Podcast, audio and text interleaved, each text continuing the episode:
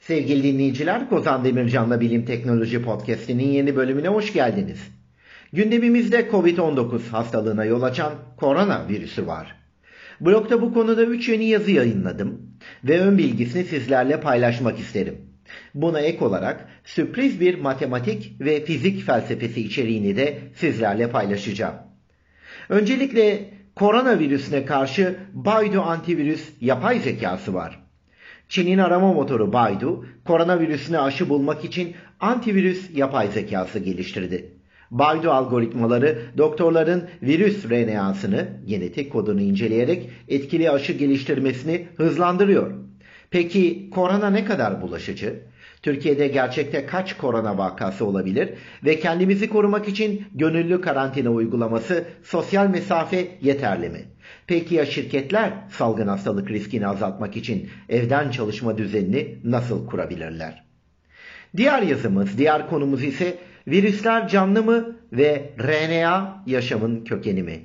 İnsan DNA'sının %8'i virüs geni içeriyor. Virüsler de genellikle tek iplikli RNA molekülü taşıyan basit birer protein kılıfıdır. Ama basit olduğu için kolay çoğalır ve en tehlikeli hastalık yapıcı organizmalar arasında yer alırlar. Koronavirüsü salgınından bildiğimiz gibi parazit virüsler ele geçirdiği hücrenin içinde hızla çoğalıyor. Kendi RNA'sını hücreye enjekte ederek onu ele geçiriyor ve hemen kendini kopyalamaya başlıyor. Konak hücrenin su torbası gibi patlamasından sonra içindeki virüsler kana karışıp yeni hücreler avlamaya çıkıyor. Enfeksiyon vücutta böyle yayılıyor. Peki virüsler canlı mı yoksa doğal mikroskobik robotlar mı? Tek iplikli RNA en basit genetik kodlardan biri olduğuna göre virüsler de dünyadaki yaşamın kökeni olabilir mi? 3 virüs teorisini bu yazıda göreceğiz. Paylaşacağım üçüncü konuya gelince. Koronavirüsü neden yarasalar üzerinden bulaştı? Yarasalar neden binlerce tehlikeli hastalık yapıcı virüs taşıyor ve Covid-19 hastalığına yol açan koronavirüsü yarasalardan dolaylı olarak insanlara nasıl bulaştı? Yarasalar memeli türlerinin beşte birini oluşturuyor ve bugüne dek SARS ve korona dahil insanlara tam 12 hastalık yapıcı virüs bulaştırdılar. Peki teknik adıyla SARS-CoV-2 virüsü Çin'deki hayvan pazarlarından nasıl yayıldı? Yarasaları avlayıp soyunu tüketemeyeceğimize göre küresel ısınmayla artan hava sıcaklıklarında ve rutubetli ortamlarda ölümcül virüslerden nasıl korunacağımızı görelim. Çünkü bu salgınlar artık daha sık karşımıza çıkacak. Ancak biraz da değişik bir alandan bahsedelim.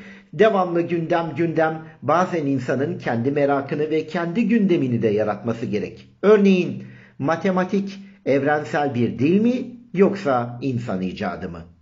Matematik doğayı açıklayan evrensel bir dil mi yoksa fizik biliminde doğayı açıklamak için kullandığımız bir araç mı? İki temel görüş var. Pisagorcular eski Yunan zamanından beri matematiğin doğalın dili olduğunu düşünmüştür.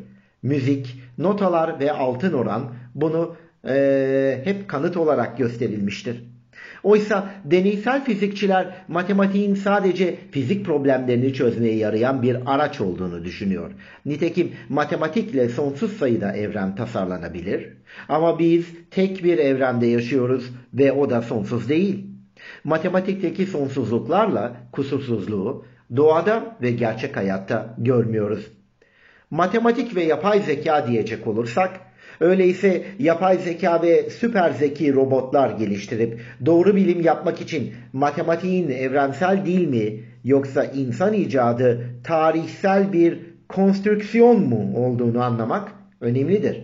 Biz de matematikteki ünlü P eşittir NP mi probleminden başlayarak Turing makineleri, bilgisayarlar, yapay zeka ve fizik teorileri bağlamında matematiğin gerçekte ne olduğunu görelim fizik, matematik felsefesi ve yapay zekada öngörülemezlik, karar verilemezlik ve hesaplanamazlık problemini inceleyelim. Matematikteki determinist kaosta bulunan belirlenemezlik ile kuantum fiziğindeki Heisenberg'in belirsizlik ilkesi arasında nasıl bir ilişki olduğuna da bakalım. Evet arkadaşlar, Kozan Demircan'la Bilim Teknoloji Podcast'inin yeni bölümlerinde görüşmek üzere. Sağlıcakla kalın. Merakınızı bilim konusunda her zaman koruyun.